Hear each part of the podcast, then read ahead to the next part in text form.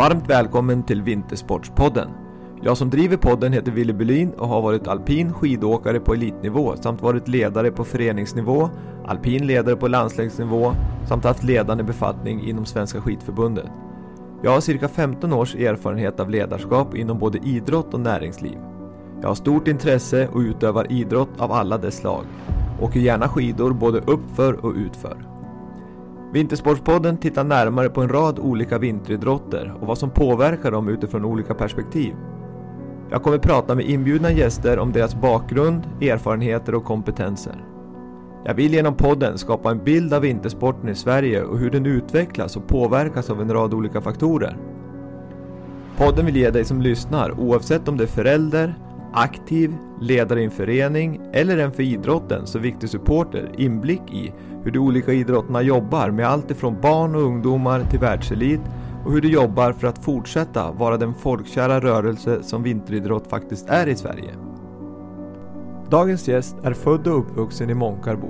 Nu är han bosatt i Östersund med sin familj. Lediga stunder tillbringar han i sin fjällstuga uppe i Vålådalen där han fyller på med välbehövlig energi. I sina ungdomsår jobbade han på den berömda korvkiosken Månkarbogrillen. Han tävlade i längdskidåkning för Månkarbo IF och flyttade i slutet av 90-talet till Järpen för att studera på skidgymnasiet. Han var som bäst femma på junior-SM som aktiv. Efter åren som aktiv på skidgymnasiet skolade han om sig till tränare och jobbade några år på skidgymnasiet i Järpen. Efter åren i Järpen började han som tränare åt svenska längdlandslaget som sedan ledde till en stor roll som förbundskapten. Åren som ledare och förbundskapten åt längdlandslaget var mycket framgångsrika. Han var en del av 300 pallplatser och 54 VM och OS-medaljer. 2015 tilldelades ett av de finare pris en idrottsledare kan få i Sverige, Årets idrottsledare. Efter stora framgångar som ledare blev han rekryterad till Sveriges Olympiska Kommitté med ansvar att förbereda våra olympier för OS 2026. När frågan kom att ta över som generalsekreterare åt Svenska skidskytteförbundet blev suget efter att jobba nära verksamheten så stor att han tackade ja till erbjudandet. Han har fått en riktig smakstart på det uppdraget och den här säsongen. Dagens gäst är en envis och seriös person med stort engagemang och drivkraft som gärna når framgång. Jag kan med stor glädje och stolthet presentera dagens gäst, Rickard Grip. Välkommen till Vintersportspodden Rickard!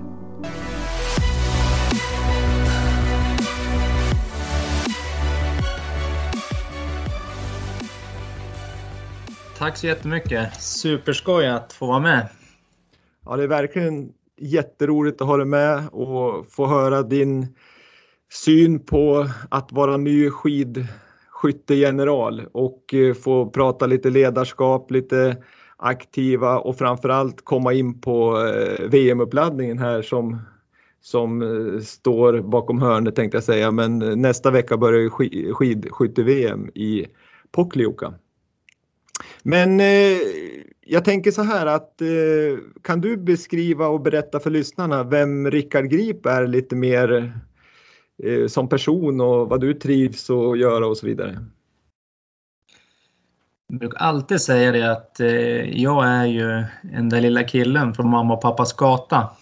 Det är för mig ett ganska Ja, det står för någonting och det står för någonting eh, väldigt viktigt. Jag har ju fått förmånen och fått eh, sett och upplevt fantastiskt mycket eh, genom åren. Men eh, jag har alltid mina rötter kvar och de är just på mamma och pappas gata eh, hemma i Månkabo.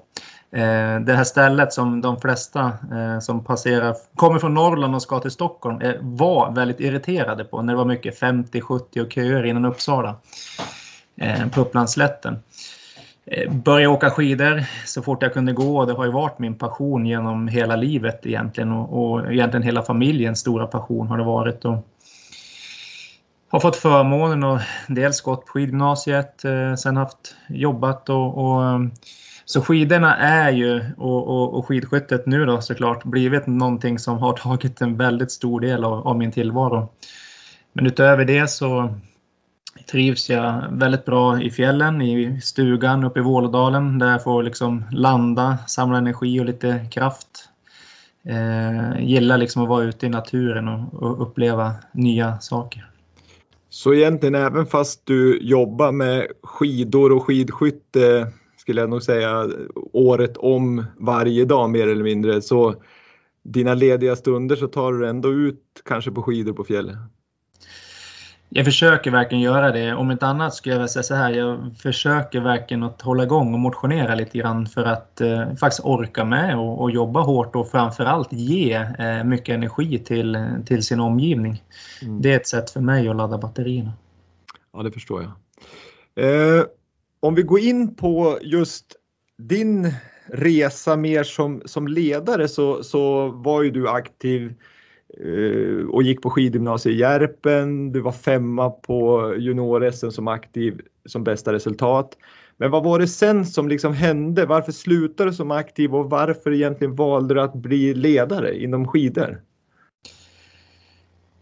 Efter eh, de fyra åren på gymnasiet så jobbade jag på en industri faktiskt i Järpen. Egentligen bara för att få liksom lite fickpengar och, och kunna fortsatt få, få träna och, och, satsa på skidåkningen. Och hade väl som alla andra i den åldern en dröm om att eh, eh, ja, bli riktigt, riktigt bra och, hamna i, och, och få vara med i landslaget.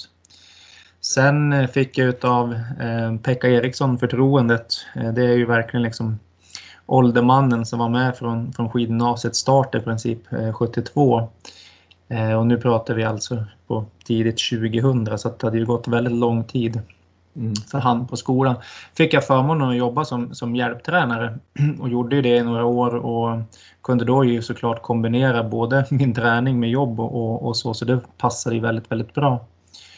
Sen blev det lite förändringar och, och, och så med lite tränarutbyten och, och sen kom frågan 2007 om jag ville ta över som, som huvudansvarig på skolan. Och då stod jag väl lite ett vägskäl som jag hade då varit tror, åtta den säsongen på ett av SM-distanserna och någonstans så var jag väl ändå i ett läge att antingen så ska jag nog sluta jobba helt och bara liksom försöka och satsa på att bli bättre skidåkare för jag tror inte jag kommer längre än... Jag hade kommit till något ställe där det liksom var stopp. Eh, och då måste jag ju som på något sätt göra en förändring. Men, men jag hade ju också då fått smak för den här ledargärningen och liksom få hjälpa andra. Och jag är nog väldigt nyfiken om och väldigt mån om min omgivning. Mm. Och det gjorde att jag kände där att jag var liksom redo att ta det steget. Och det tror jag varit lättare tack vare att jag lämnade ju inte idrotten. Mm. Hade det varit att jag skulle lämna idrotten helt och gjort någonting helt annat, då tror jag det hade varit eh, ja, då kanske svaret hade blivit annorlunda. Mm. Men hur, alltså din egentligen karriär, den, du har inte utbildat dig rent så här på idrottshögskolan eller något, utan idrotten har varit din utbildning alltså i, i spåret tillsammans med Pekka och, och alla ledare du haft runt om det? Ja, jag har ju gått eh, den, den skolan liksom och varit i, i det praktiska eh, hela tiden. Sen har jag gått de, de tränarutbildningarna som, som skidförbund arrangerat och bland annat så gick vi en, en lite mer omfattande elittränarutbildning som faktiskt pågick över två års tid. Eh, där vi också läste en del poäng mot eh, högskolan i, i Falun. Men jag har inte, ingen liksom fullt sånt stort eh, flera års tränarutbildning eller ledarskap bakom mig. Det har jag inte. Ja, just det. Nej, men det är ju liksom också en, har man rätt folk runt om sig då, då är ju det en otrolig utbildning. Att, att... Fan, den, är, den är ju på något sätt obetalbar och jag såg väl hela tiden också väldigt tidigt att det var en del, alltså att jobbet också var en utbildning. Eh, mm. jag tror jag hela tiden to tog det till mig på det sättet och såg det verkligen som att jag lär mig nya saker och jag var heller inte oäven att liksom jobba lite extra eller liksom, jag var inte så brydde över mig på det utan det handlade väldigt mycket om att jag lär mig någonting hela tiden och det är väl någonting jag har med mig än idag att jag vill hela tiden lära mig nya saker och utvecklas i, i de nya rollerna jag, jag har och har haft. Mm, jag förstår. Eh, om man tänker på dig som ledare då, hur, eh, vad är det som driver dig att i, i princip året om varje dag kliva upp och ska göra den här insatsen för att göra någon annan bättre? Vad, vad är det som liksom är drivkraften i Rickard Grip? Jag brukar säga det, det, det är på något sätt att du har ju, man har ju en god och en, en ond liten rackare som sitter på var axel och, och eh, oavsett så finns det alltid en känsla av att eh, har jag liksom gjort tillräckligt? Eh, är det här nog bra? Eh, jag vill verkligen försöka nå det där lilla yttersta hela tiden och, och verkligen skapa de absolut bästa förutsättningarna som går. Och ju, ju längre man har varit inom ja, ledargärningen så ser jag ju också det från att första dagen så kanske det handlar väldigt mycket om att göra just det här specifika träningspasset bättre.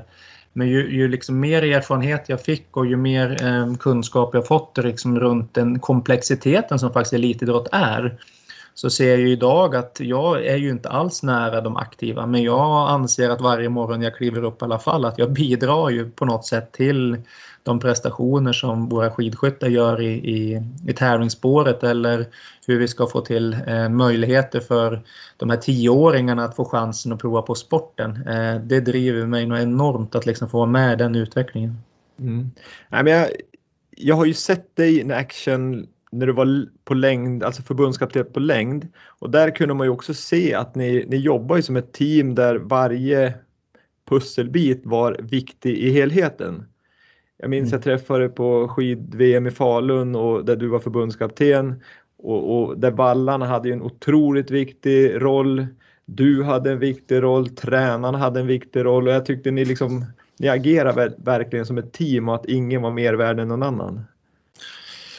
Det har varit väldigt viktigt för mig, just, som du säger, just att på något sätt försöka se eh, alla, alla personerna i teamet och faktiskt eh, också försöka lyfta dem framförallt de personer som kanske har en, en mindre liksom synlig roll eh, i, i en organisation. Jag brukar alltid ta upp det. Ehm, när du ska åka till Pyeongchang inför OS då hade vi 248 lyft eh, med flyg för att ta oss dit med hela truppen och, och hem. Och, och, det är ju rätt intressant att eh, hur ofta får den som sköter resorna en, en, ett samtal? Jo, men det är ju när typ flyget är försenat, inställt eller det liksom strular. Men det var inte en enda liksom biljett som vart fel den resan. Men det är ju aldrig någon som på något sätt kanske tänker på att det är ju också för mig en väldigt viktig faktor. För det skapar ju lugn, harmoni i liksom hela truppen. Eh, hade, hade det börjat trassla så hade det skapat irritation, frustration, fokus hade hamnat på fel saker. Så för mig var det ju helt givet att liksom gratulera den personen eh, efter ett, ett OS-guld liksom i Pyeongchang, för den var delaktig i det. För mig, det, det är för mig självklart. Ja, i allra högsta grad. I allra högsta grad. Eh, kan du, vad är dina styrkor som ledare och, och kan du se några liksom utvecklingsområden och i så fall hur jobbar du med dem? Så brukar, styrkorna eh, brukar jag tänka att de är fel person att svara på. Eh, de brukar väl passa över till, till min omgivning. Men, men eh, jag är ju väldigt, väldigt engagerad. Jag brinner ju verkligen för det jag gör och jag gör det liksom till fullo tror också, eller jag känner själv att jag är bra på att förmedla den här energin till andra. Att de också känner ett driv, att de också ska göra sitt yttersta. Så få med mig min omgivning och att de ska eh, på något sätt försöka ja, plocka ut det där lilla extra eller göra det där lilla sista. Det, det är en del eh, som jag känner har verkligen varit bidragande i, i, i ja, min ledargärning så här långt. Och, Sen om man tittar komplexiteten runt ett landslag med allting vad det innebär så logistik och, och ordning och reda på sådana saker är ju väldigt viktigt och det har också varit någonting som jag har haft ganska lätt för mig. Jag har, har lite fotominne så jag kan ha väldigt mycket i huvudet och liksom plocka fram det på det sättet. Så det har varit liksom stora fördelar.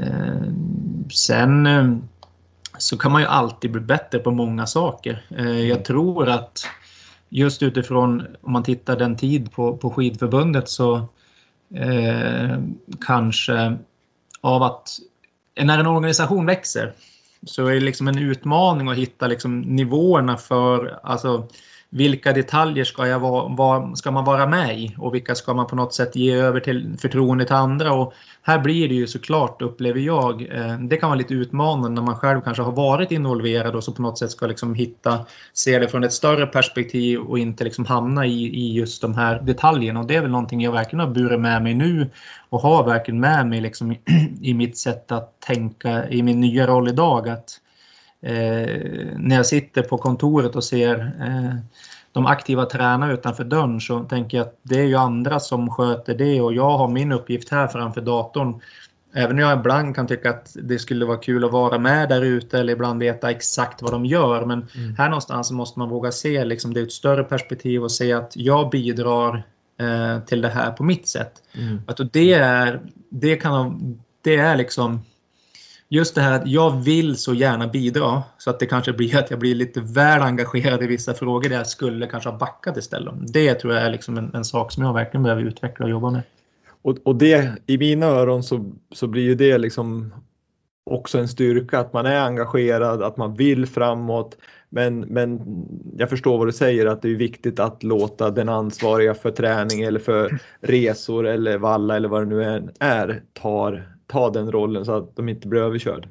Jag tror det är jätteviktigt och jag tror framförallt för, liksom, för att hela tiden man vill ju framåt som, som organisation och då tror jag att det är jätteviktigt att man gör det och, och just framförallt när man är i, liksom, i en expansionsfas och man liksom växer, då är det jätteviktigt att man gör det. Mm.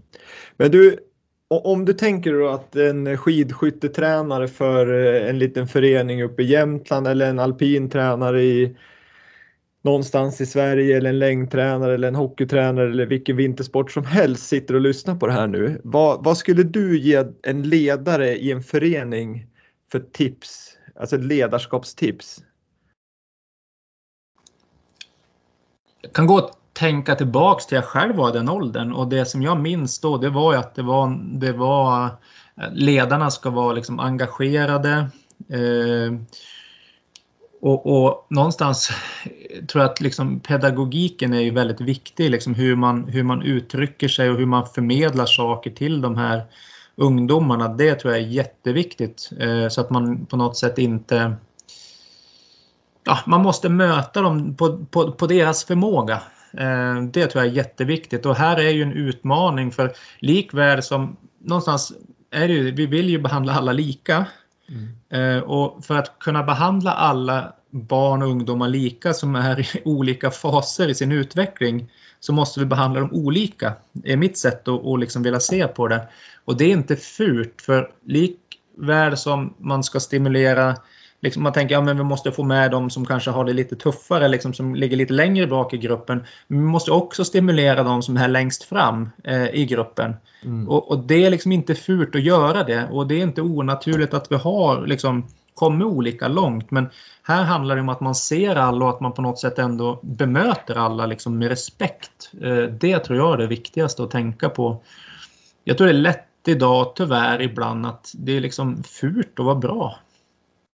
För, för, risken om man inte, om man säger använder ett situationsanpassat ledarskap eller hur man nu ska uttrycka sig, att man ser alla utifrån den kunskap de har.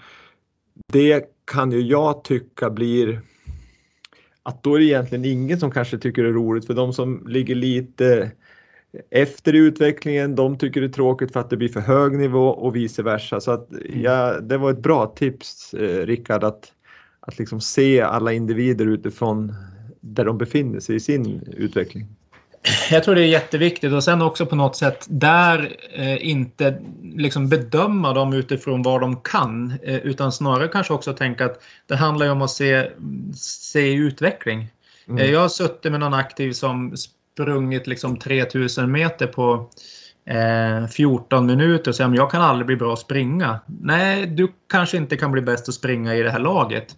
Men å andra sidan om du blir två minuter bättre och dina liksom, teamkompisar eller lagkamrater den, den förbättrar sig med 20 sekunder så borde det ändå vara positivt för dig i, i, liksom, i skidåkningen när vi väl kommer dit att du har gjort den här utvecklingen för dig. Sen mm. spelar det ingen roll att du kanske fortfarande är en och en halv minut långsammare på 3000 meter. Men det är ju rätt orelevant i, liksom, i, i sakfrågan. Utan man måste ja. någonstans stå och titta. Här är jag och hur ska jag göra för att ta mig liksom framåt? Mm. Det tror jag är viktigt.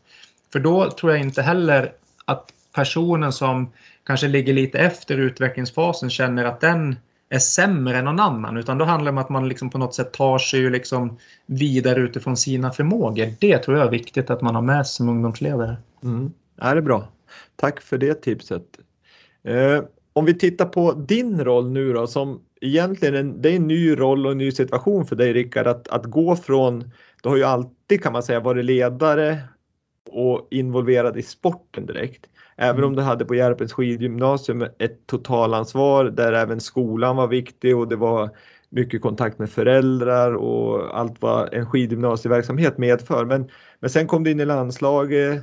Där var du ju direkt liksom sportsligt ansvarig och nu kliver du in i en roll på Skidskytteförbundet där du är totalansvarig och totalansvarig betyder ju i det här sammanhanget att du är ansvarig från småbarnsrekrytering upp till Hanna Öbers prestationer och att man finansierar verksamheten. Hur, hur får du med hela det liksom eh, konceptet nu i din nya roll att både få med de ideella krafterna som egentligen det är det som är om man säger skidskytte, längd eller alpint, det är ju, det är där den stora liksom, massan och det viktiga finns. Samtidigt som man mäts ju i media mycket på vad de presterar på helgen på TV. Mm. Förstår du frågan? Ja, absolut. Eh, just nu så är den, den ena delen du, du tar upp, den är en extrem, vi är en extremt utmanande situation just nu utifrån faktiskt den rådande pandemin. Eh, med att man vill ju återigen visa på, på det engagemang och den, återigen den tacksamhet som jag verkligen känner för det alla ideella krafter gör ute i, i våra rörelser eh, inom idrotts, eh, idrottsföreningar. Det är det som är liksom hela grunden för att vi överhuvudtaget har eh, våra toppatleter. Utan den, utan den svenska modellen så skulle vi inte vara så skickliga som vi är med elitidrotten. Det är ju jätte, det är jätteviktigt och jag vill ju såklart framförallt framåt när jag har möjlighet till det vara en aktiv generalsekreterare som kan vara ute på liksom nationella tävlingar och vara liksom synlig och också eh, mottaglig för frågor och, och funderingar. Och, eh, det händer ju såklart att det kan ringa någon ideell ledare som har synpunkter eller frågor eller vill bara diskutera. Här försöker jag verkligen att ge dem den tiden verkligen att de får den möjligheten att få prata. Eh, även om det är en onsdag kväll klockan nio så kan jag lägga en timme eller två på det. för att jag värdesätter det så himla mycket. Eh, att visa den liksom respekten, omtanken eh, mot den personen. Plus att jag är väldigt, väldigt ödmjuk för att de har ju någonting bra att, tillföra oftast. Det ska mm. man också ha liksom en stor respekt för. För många gånger har ju den här personen som ringer den ideella ledaren kanske varit aktiv ledare i mellan 10 och 30 år och mm. kan jättemycket om, om, om just vad ska jag säga, barn och ungdom och, och, och, den verksamheten som, som man kanske har brister på i, i din roll många gånger för att man, man, man kommer inte riktigt därifrån.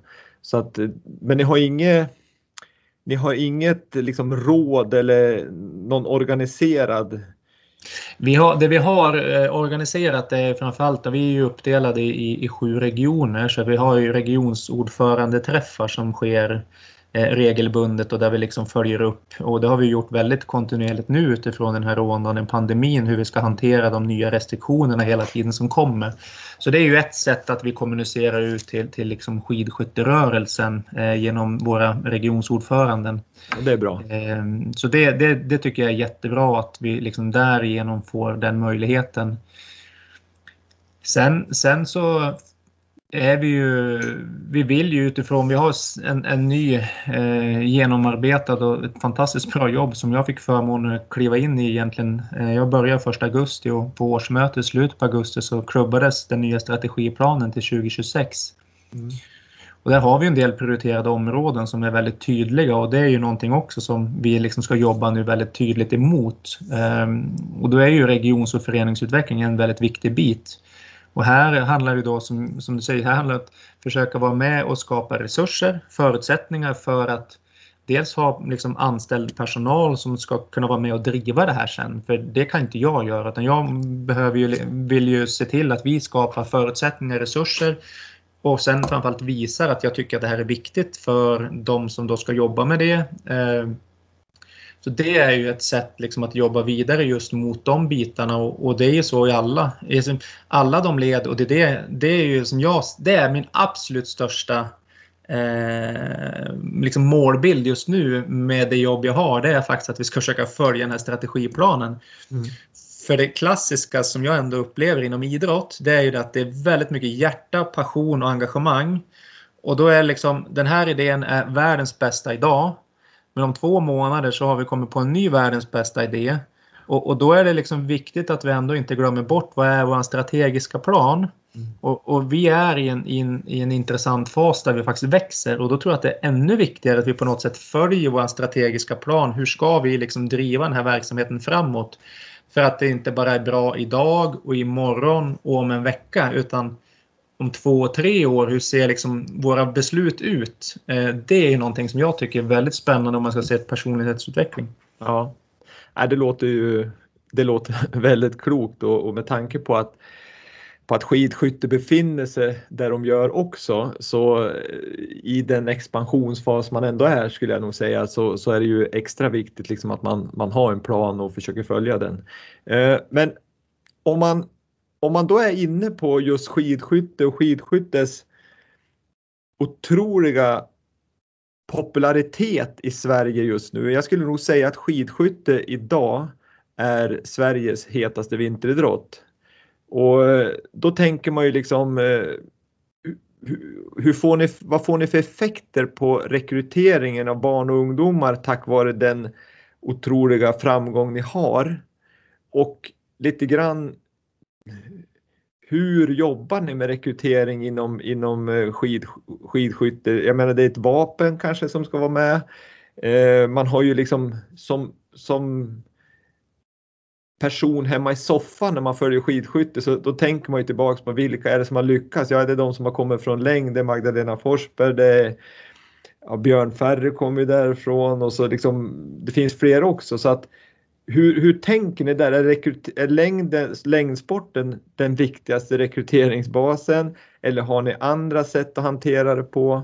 Och framförallt, hur hanterar man vapenfrågan i, i barn, barntiden? Man startade för, nu vet inte jag exakt, men det är ganska många år sedan, eh, luftgevärsprojekt. Där du liksom har samma eh, sätt du hanterar det på eh, med luftgevär. Och då skjuter du på 10 meter vilket gör att det är ju helt andra liksom, krav på gällande säkerhet eh, mot om du har en, en 22 lång på en 50 meters anläggning. Mm. Eh, och det är ju också möjlighet att kunna ha det här på, ja, det är en mycket kortare väg till att bygga upp någonting som du gör att du faktiskt kan använda. Det har ju varit en fantastisk fördel för oss men det är precis som du säger, det är fortsatt en, en utmaning eh, i en positiv anda egentligen att, att skapa förutsättningarna. Eh, vi har ju både liksom snöförutsättningar att det finns snö och förutsättningar att det finns en anläggning där man faktiskt kan liksom bedriva det här. Eh, och det är ju ett moment till kontra längdskidorna. Det, mm. Så är det. Och där har vi ju lite, vi har skidskyttekonsulenter som jobbar ute i landet och, och försöker liksom vara med och, och, bidra med kunskap och kompetens och jobba också med utbildningsbitar runt det här så att vi någonstans vi måste ju hinna med med de bitarna just utifrån det du säger att det finns ändå säkerhetsaspekter som man måste ta hänsyn till så att ledarna har, liksom, är utbildade med skidskyttekortet och liknande så att man har viss eh, grundkunskap. Ja, så det finns ett skidskyttekort, typ en, ett ja. körkort för att få ja. vara liksom, ledare med, med vapen? Och... Ja, precis. Exakt. Okay. Mm. Så det är ju lite sådana grund, grunddelar. Och sen, sen, skulle jag vilja säga att det är, ju, det är klart det är svårt att definiera men eh, de som är skidskyttar idag i, i A-landslaget och som just nu är på uppladdning inför VM. Där är det ju verkligen, de är ju skidskyttar och har varit det liksom på något sätt hela, hela resan eh, ja. utifrån det du säger med liksom vart, vart börjar man om man är längdåkare eller om man är skidskytt? Ja, det där är en jättesvår definitionsfråga. Jag tror ju att eh, bägge vi idrotter eh, med smala skidor, vi ska nog hjälpas åt och kroka arm och på något sätt skapa eh, bra aktiviteter som gör eh, att man är intresserad av att stå på smala skidor. Mm. Sen om det slutändan blir att jag blir en, en skidåkare eller en skidskytt, det tror jag är liksom det är sekundärt. Jag tror vi bägge två vinner på att samarbeta i yngre åldrar. Ehm, ledarfrågan är utmaningar, alltså det är många saker som vi kan liksom dra nytta av varandra. Ja, för det handlar ju till slut ändå om, som du säger, att, att stå på skidor. Sen, sen jag tror ni inte jobbar, ni, ni kannibaliserar ju inte på varann och, och försöker liksom sno aktiva verkligen, från varandra? Nej, verkligen inte. Eh, det är absolut inte.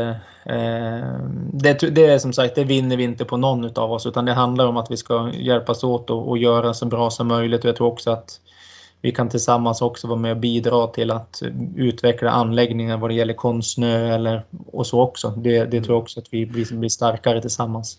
Ja, för det är ju en, en, intressant fråga. Det är lite samma fråga som alpint och skikross står inför egentligen.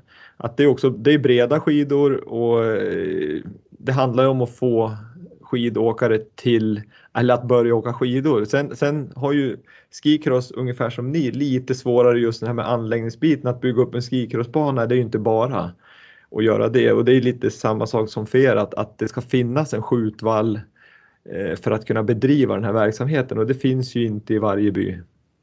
Nej, exakt så är det och det är liksom här tror jag som sagt att vi kan ja, men vi kan eh, ja, men dra nytta av varandra eh, och mm. bidra till varandra. Jag, jag, är helt övertygad om det och det tror jag är jätteviktigt.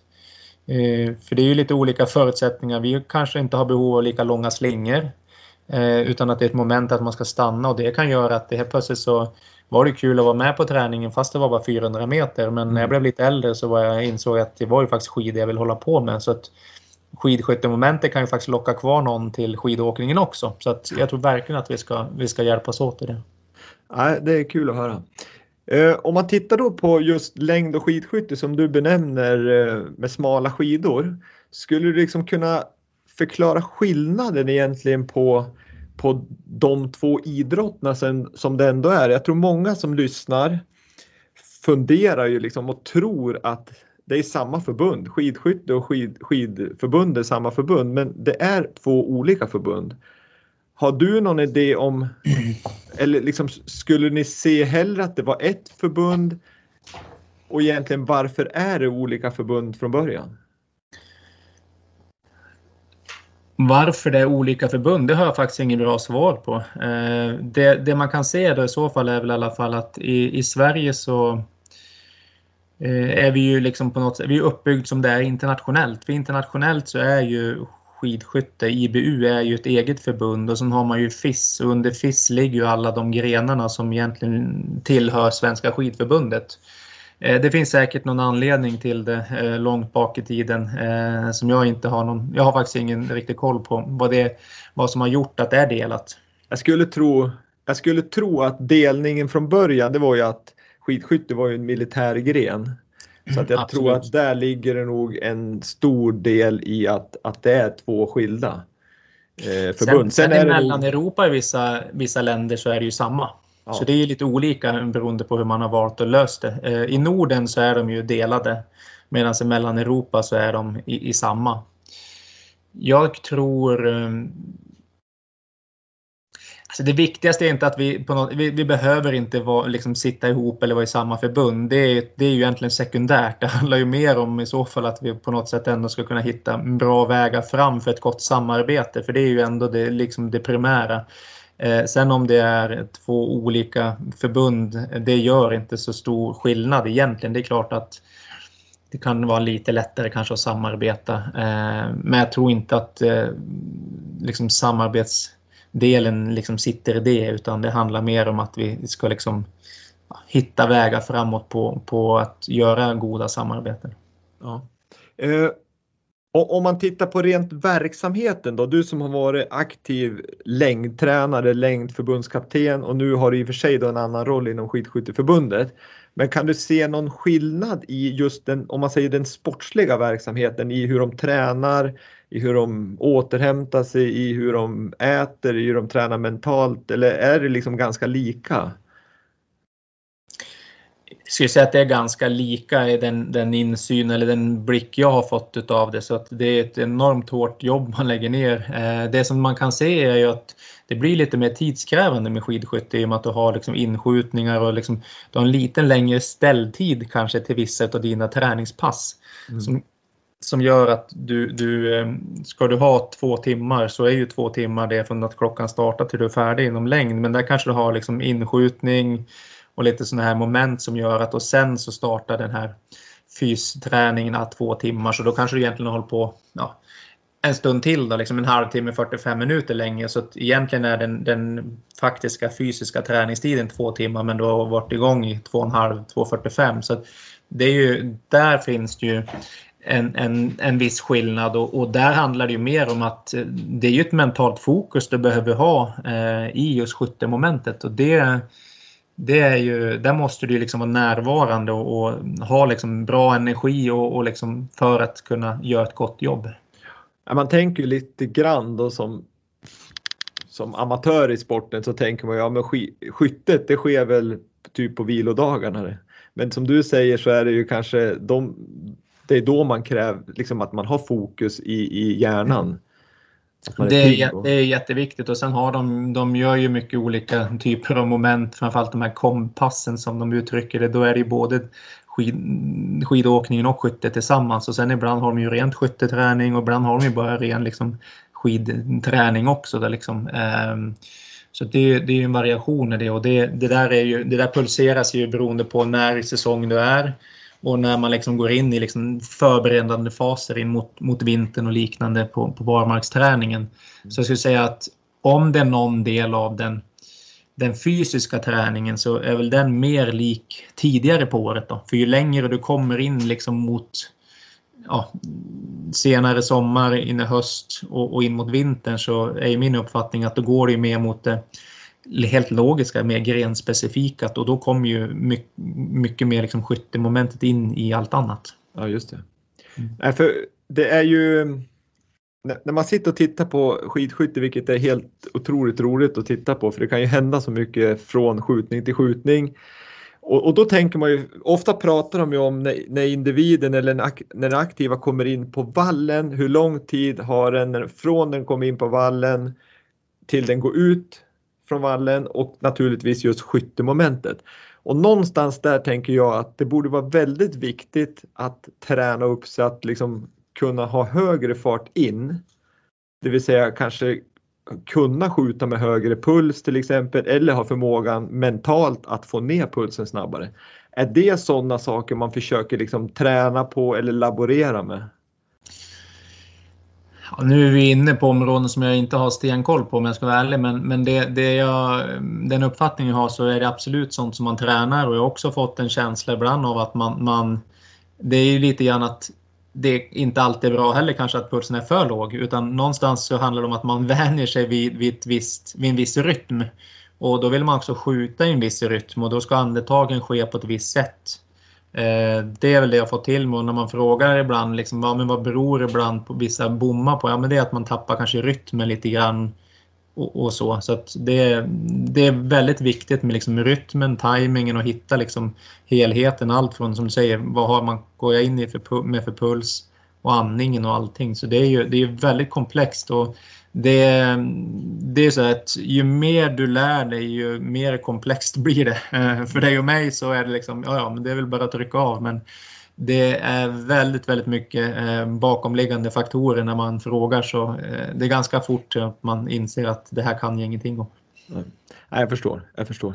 Men du Rickard, du kom ju nu innan du började som generalsekreterare på Svenska skidskytteförbundet så kommer du som en roll som eh, vad ska jag säga, för, ansvarig för förberedelser inför OS 2026 på Sveriges olympiska kommitté. Där fick ju du en, en ännu bredare bild av egentligen alla vinteridrotter. Du har varit på längd och så kom du in på SOK och då blev du liksom helt plötsligt involverad i ännu fler idrotter.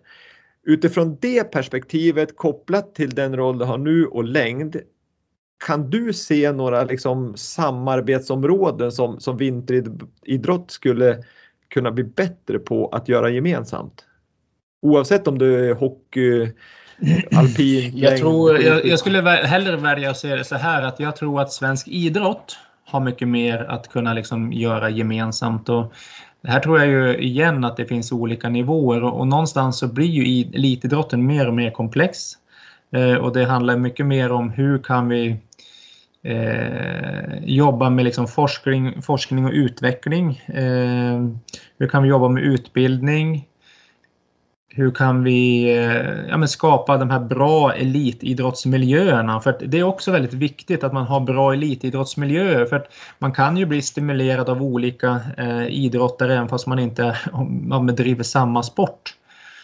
Det är också viktigt för det skapar kulturer som man är i och, och kultur eh, det är någonting man ska ha väldigt stor respekt för för det betyder mycket. För det, det tror jag vi har en väldigt tydlig del i, i hos oss på Skidskytteförbundet och, och i våra landslag där alla våra aktiva bor och verkar i Östersund. Ja, det, det, skapar ju en, det skapar en kultur och det skapar också en möjlighet till liksom att man kan vara med och, och sparra och pusha varann i, i, i vardagen. Eh, mm. det är inte bara på läger. Vi som liksom förbund har också möjligheten att skapa förutsättningar för att skapar vi förutsättningarna i Östersund där alla är så får alla ta del av det.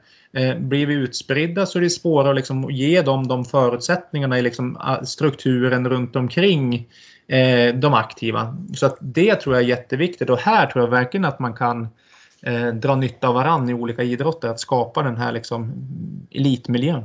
Mm. Och, och, verkligen just eh, att de här yngre också har möjlighet att ansluta till Östersund och se Hanna Öberg och Elvira Öberg och allt vad de nu heter träna och, och kunna kanske hänga på och köra liksom tillsammans med dem. Det måste ju vara otroligt motiverande för en tjej eller kille som är eh, på väg uppåt. Det är det ju verkligen. Och just som du säger, att då får man på något sätt se vad, vad, vad gör de? Vad är det som krävs? Och det, det, skapar ju väldigt mycket. Och jag tror också att det är väldigt värdefullt att få känslan av att jag ska inte säga att det, det, inte är långt dit, men förstå mig rätt. Alltså, det kan ju vara en dag när man har liksom, ja, men vissa moment så ser man att ja, men här om jag gör det här momentet på, på vallen sju sekunder snabbare, ja men då är jag närmare och då kanske jag plötsligt har sett upp ett eget mål att nu ska jag försöka bli två sekunder bättre. Mm. Och då på något sätt så kan man hela tiden se att ja men jag närmar mig, då är vi där igen liksom det här att jag ska försöka bli lite bättre utifrån vart jag är och så har man den fantastiska möjligheten att ändå ha måttstockar i liksom, vad är nivån på världens bästa. Ja, det blir en riktigt bra utbildning.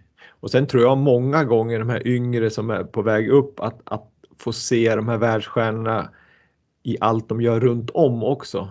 Eh, att det inte bara sker i spåret och på, på skyttevallen utan det är allt ifrån hur de återhämtar sig, hur, de, hur seriöst de är med kost och eh, att de är noggrann med material och så vidare. Det, det tror i alla fall jag är otroligt viktigt. Det är jätteviktigt. Jag brukar säga det att, att det är ju inte, det är inte tiden på läger som skiljer den som är bäst och, och liksom de som är mitt i, i ett, ett lag. Eh, utan det är ju liksom, det är ju vad du gör liksom 365 dagar per år. Mm. Det är ju det som är det viktiga liksom. Eh, det är ju även de dagarna däremellan. Den här du vet, spö, dagen när det spöregnar ute och det är liksom fyra grader och, och det är liksom 4 oktober. Ja, jobbet ska göras idag också och det är då mm. som jag tror någonstans att skillnaden kommer mellan det, det, är inte det att jag inte tror att de andra gör jobbet. Alltså de gör det, men det handlar om liksom lite inställning, lite insats. Här är det små saker som i slutändan gör skillnader. Mm. En, en, annan fråga som, som jag tycker är, är otroligt viktig när man tittar på elitidrott, det, det, är ju hur hanterar man de här äh, stjärnorna som, som är i ett landslag idag som ja, de, de klarar sig rent ekonomiskt just nu, men det kommer ju en dag där det är väldigt, väldigt få som lyckas liksom rent finansiellt klara sig livet ut. Jag menar många slutar ju med idrott, kanske har blivit skadad eller slutar och har presterat rätt så bra men, men just har svårigheten att anpassa sig till ett normalt liv och med jobb och, och hela biten och det har ju visat sig många få mentala problem och, och, och, svårigheter. Är det någonting som, som du tänker på i, i ditt arbete just nu?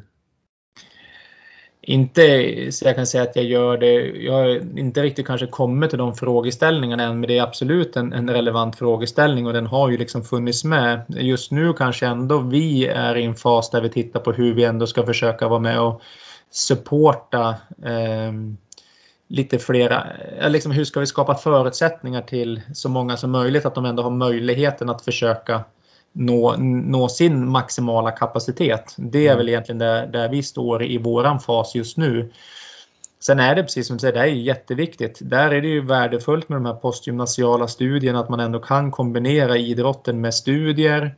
Eh, det är ju väldigt, väldigt viktigt. Eh, och sen, sen såklart att kanske genom partnerskapen försöka skapa möjligheter för eh, atleter att hitta liksom vägar in i liksom arbetslivet efter karriären och inte bara liksom se kronor och ören utan också se de här mjuka värdena som är väldigt värdefulla för, ja, för, för de aktiva. Och här, här är ju här är det en stor skillnad liksom, rent strukturellt mellan, mellan oss i, i Norden och framförallt de här mellaneuropeiska länderna där man är anställd av kanske tullen eller mm. polisen eller vad det nu kan vara. Och på något sätt så har du då en grundtrygghet med dig vidare efter att du dels har du liksom en bas medan du är aktiv och sen har du också en möjlighet om att det här är någonting jag kan göra efter karriären också. Mm. Eh, så att där har ju de en, annat, en annan struktur, ett annat system som jag tror är Ja, det, det är inte dåligt. Jag tror inte vi ska gå liksom hela vägen dit, men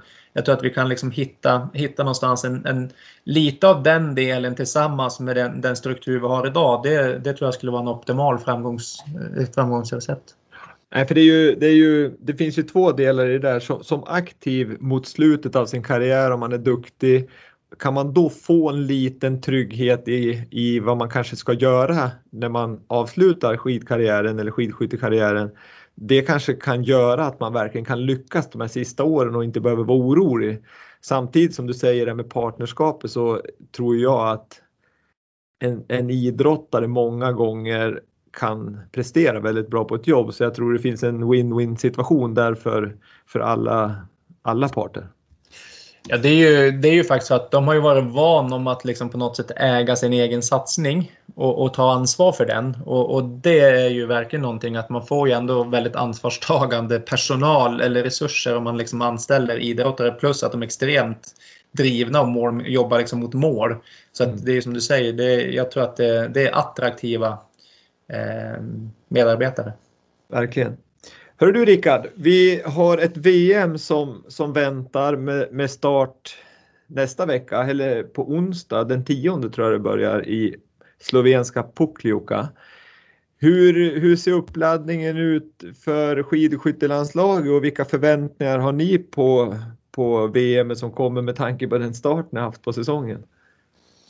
Ja, starten har ju varit eh, ja, helt fantastisk och, och, och liksom nästintill lite overklig. Eh, det var väl liksom vi hade 12 pallplatser i fjol eh, på hela säsongen och nu går vi in i, mot mästerskapet och har 20 pallplatser så det är klart att vi har ju verkligen gjort eh, en jätte, jättebra säsong och framförallt inledningen var ju helt fantastisk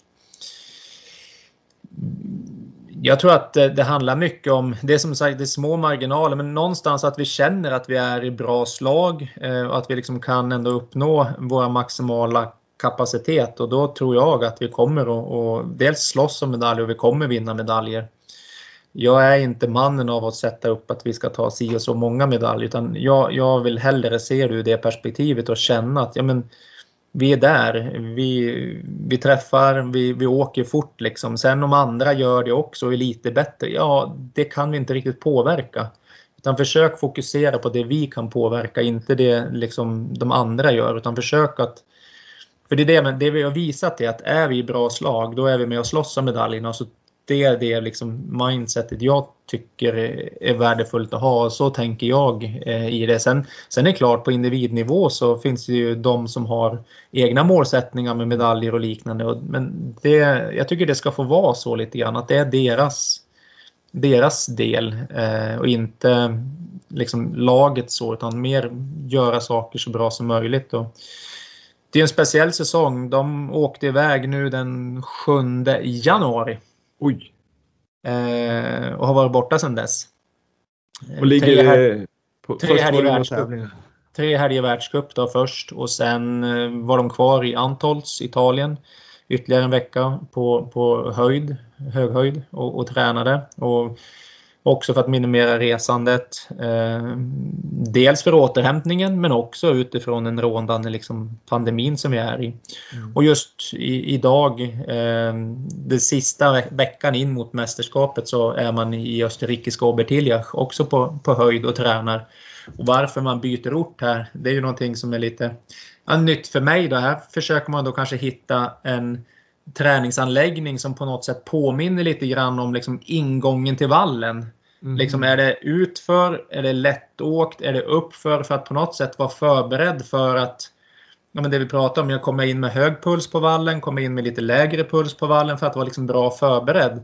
Och det här är ju liksom det är detaljer som inte du och jag tänker på. Eh, utan det är, ju, ja, det är ju tränarna som sätter den planen och jag är fantastiskt imponerad och, och så över det jobb som de gör. De är, de är noggranna och minutiösa verkligen. Så egentligen där de är nu då, det ska påminna om, eh, om eh, banorna i Puklioka? Ja, inte, ja, framförallt är det just som jag Vallen. sa, det är liksom vägen in och kanske lite grann det här att ja, men, Vissa banor har mer branta backar, några har lite flackare backar. Eh, så det är lite det som de har haft liksom att titta på för att hitta ja, en ort som man känner är en bra plats att vara på innan. Mm. Men det låter klokt att skid, Skidskytteförbundet följer den strategiska planen mot 2026 och jobbar strategiskt efter den och nu misstänker jag att tränarna har en plan för hur man ska vara i bästa form på VM och det är precis som du säger, följ den då blir det framgång. Mm. Istället för att kanske säga att ja, men vi ska ta 20 medaljer. Ja, men det är som du säger, om, om de, våra konkurrenter är ännu bättre fast vi har gjort vårat bästa så, så är det svårt. Så att det, det låter klokt, eh, Rickard. Eh, vi har eh, några lyssnarfrågor, eller lyssnarfrågor, det är tit, eh, ja, lyssnarfrågor som, som kommer in via mejlen som, som som jag tycker är bra. Det är två stycken som jag skulle vilja ställa till dig. En personlig och en övergripande egentligen för skidskyttet. Och den, den ena det är hur ser tävlingssystemet ut på skidskytte? För när vi som sitter och läser om skidskytte i tidningen och, och ännu mer nu när Stina Nilsson har kommit in. Det är att man läser att det är världscup, det är VM, det är EM, det finns någon IBU-cup och det är svenska kuppen och vem åker vad och, och, och liksom hur ser systemet ut grovt? Grovt så eh, som du säger, vi har ju en nationell cup eh, som vi tyvärr inte har kunnat genomföra i år. Eh, sen så har vi någonting som heter IBU-kuppen. Det är kan man ju säga motsvarighet om man pratar alpint så är det Europacup. Okay. Inom längd finns det inte riktigt utan där, hade man ju, där har man ju skandinavisk cup. Då är det bara i Skandinavien man tävlar. Man kan säga att det är det är liksom ligan under världskuppen då. Okay. Eh, och här har du IBU Cup som är, men den är ju liksom ute i hela, i hela Europa. Mm. Och EM kan man ju säga är ju lite grann Europacupen eller IBU Cups eh, mästerskap. Okej. Okay. Som en liten eh, final typ där. Ja men lite så att det är, liksom, det, det är ett mästerskap där eh, som är EM. Och eh, sen har du världscup då, men sen har du också på, på juniorsidan finns också eh, en IBU-cup för mm. juniorer och junior-VM. Och den blev inställd i år va? I alla fall ja, EM den, för juniorer. Den är inställd. Eh, IBU-cupen för juniorerna är inställd men junior-VM eh, körs ju som, som planerat. Och här är det ju också väldigt mycket att IBU tar ju ett stort ansvar, ett helhetsansvar för att skapa, skapa tävlingar för länder som kanske inte är så stora som kan ha en, en nationell tävlingskupp och liknande så att det finns tävlingar. För det är väldigt viktigt att, att det är många nationer som är med i, i det här. Man har verkligen tagit det liksom, så utveckling av liksom mindre nationer är väldigt viktiga och värdefulla och här satsar man också mycket pengar för att eh, hela tiden jobba med att sporten ska vara liksom bred. Mm. Och det tror jag är en jätteviktig framgångsfaktor ur ett medialt perspektiv. För det är, jag har sagt att det är aldrig bra, som det var ett tag där kanske, att antingen vann Sverige plats 1 till 7 i en världscup i längd eller som det har varit mycket nu så har Norge kommit 1 till 7 och, så, och då får du inte det här mediala intresset riktigt globalt.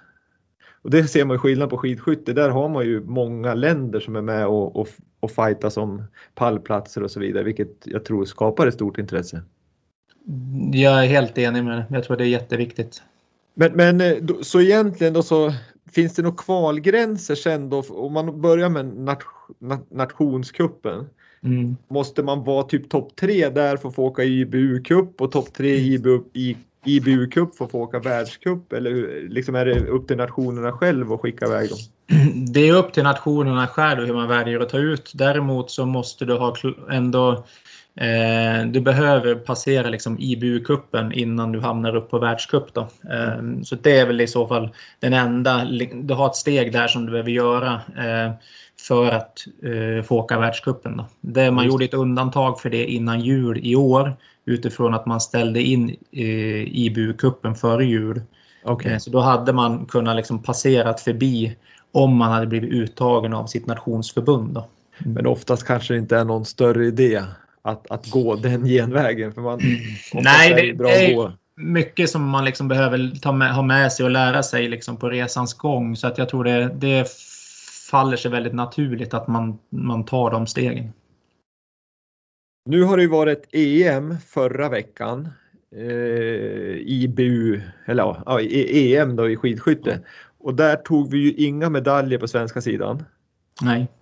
Eh, dock hade vi några platser som var okej okay, och även att Stina Nilsson då, som har blivit en väldigt medial skidskytt fast hon har kommit in sent gjorde ju ett framsteg där utifrån de här första tävlingarna jag gjorde så det var ju roligt att se. Eh, men hade ni haft större förväntningar på EM och framförallt hade ni trott att någon av de som åkte EM skulle liksom lite blomma ut och få möjligheten att vara med på VM? På här sidan så hade vi en plats eh, liksom kvar och som, som vart efter mästerskapet då på EM. Och, eh, så det var ju liksom på något sätt en planerat och på damsidan så är ju laget så himla starkt så det, det, var, det var nästan Ja, jag ska inte säga att det var, var, var, Jo, det var ju bestämt innan och beslutat innan EM. Men eh, det, det, är ju precis som du säger, här har du ju både Europa, eller IBU-cupen och EM är ju viktiga tävlingar. Vi har ju yngre personer som har gjort fantastiska tävlingar som fortsatt är juniorer. Mm. Eh, som får tävla ändå på, på liksom klass, i, i kuppen under världskuppen och är fortfarande inte senioren och, och ändå varit på topp 10 placeringar. Mm. Så vi har, vi har flera personer som och aktiva som har varit topp 10 men vi har inte riktigt fått till det lilla sista. Vi hade ju Ingela var ju med och sköt om, om medalj på, på jakten och då vart ju hon femma och sexa vart väl hon och Anna Magnusson där tror jag till exempel. Så att de har varit liksom och nosat på det men har inte riktigt fått den där lilla fullträffen eh, på JBU-cupen. Då kanske de har fått på världscupen. Nej men det kommer. Hårt Absolut. arbete lönar sig. En annan fråga som har kommit in som är mer personlig. Eh, det är om har du någon förebild inom ledarskap? Ja, det har jag. Och jag eh, det är såklart, alltså, det går inte att liksom komma ifrån Pekka eh, på något sätt. Jag flyttade dit som 16-åring och det är klart att han har ju eh, varit med och på något sätt satt viss prägel och han har framförallt sagt en del eh, klokheter som jag, ska ha, som jag verkligen har tagit med mig. Mm. Och jag säga det då, Pekka Eriksson är ju som du sa inledningsvis en person som är när, när Järpens skidgymnasium grundades 1972 och, och är verkligen en av Sveriges eh, längdprofiler inom ledarskap. Ja, verkligen och träning där. Så, och, och någonting han sa var det att för Eh, Eh, det var någon del som kunde se mig som att jag skulle vara liksom den som var arvtagaren till han på skolan. Och det kanske jag såg mig själv till också på något sätt. Men han, han sa någonting väldigt sunt och det var så att Rickard, du ska, du ska absolut eh, ta med dig både liksom, ja, men lärdomar av det jag gör bra och dåligt. Men en sak är väldigt viktig och det är att du måste göra om det till ditt. Eh, för du kan inte vara någon annan än den du är. Men du mm. kan ta lärdomar av andra. Och mm. det tycker jag är väldigt liksom klokt att få med sig. För ibland kan man bli så, ah, så där vill jag också vara. Men då måste man ändå landa tillbaka i sig själv. Kan jag vara så? Annars blir det på något sätt nästan ett skådespeleri att försöka vara någon annan personlighet än jag själv är. Så att hela tiden försöka backa tillbaka och, och liksom tänka att det här är ju någonting som är, är jag. Mm. Och då kan man på något sätt börja stå för det. En annan som jag är väldigt imponerad över som i sitt sätt att coacha. Nu har han ju varit lite på tapeten för vårt handbollslandslag har gjort det väldigt bra. Det är ju Bengan. Mm. Eh, alltså lät... Bengan, handbollsbengan? Ja, exakt. Bengan ja. Johansson, liksom, som på något sätt när han tog timeout, han sa ju nästan aldrig någonting utan det var ju spelarna själva som liksom skötte, skötte snacket. Och det var jag, jag är imponerad över de som hittar för, det, för mig är det någon som verkligen bygger, då kan man tänka sig, ja men han tar ju ingen, liksom, det är ju ingen stark ledare, han tar ingen plats. Eller han liksom, men jag väljer att se det på det andra sättet. Jag är så imponerad över att det kan vara de som ger ut ansvaret men ändå är den som är den, ja, huvudledaren i alla fall, eller liksom coachen som på något sätt ändå sätter riktningen. Det tycker jag är liksom charmant att, att få se. Förmodligen ligger det ett enormt ledarskap bakom det. För att jag menar, han har ju förmodligen extremt bra självkänsla och han har ju lett det här laget till att bli vad de är. Så att Exakt, så att han är byggt över tid. Själv. Mm. Ja, men det är jättebra, roliga reflektioner och tack får jag säga till eh, svaret på lyssnarfrågorna. Eh, då har jag egentligen bara en fråga kvar och det är den här frågan som jag ställer till alla som är med då. Och det är, kan du dela med dig av en framgångsfaktor för att lyckas inom en vinters, vinteridrott? Och då är det som jag sagt att, att det spelar egentligen ingen roll om, du, om det är en framgångsfaktor som ledare eller om du riktar det mot en eh, aktiv eller om det är inom marknadssegment eller men just ett, ur ditt perspektiv. Jag tror jag landar lite grann i det som jag sa nyss angående eh, de råd jag hade fått av, av Pekka. Eh, var dig själv. Eh, det tror jag är jätteviktigt. Eh, försök vara trygg i, i det du tror på och står för. Det, då kommer man komma väldigt långt. Eh, att, att tro på det man gör, eh, det är helt avgörande. Det kan ju ibland vara lite osvenskt eh, att göra det, men det kan man också göra fast man har en, en stor skopa ödmjukhet. Mm.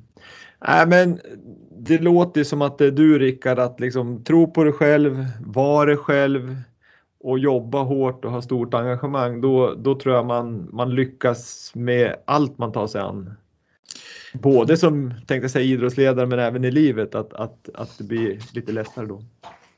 Ja, verkligen. Det tror jag. Och det som eh, August Strindberg säger, försök med det omöjliga. Då når vi högsta graden av det möjliga. Ja.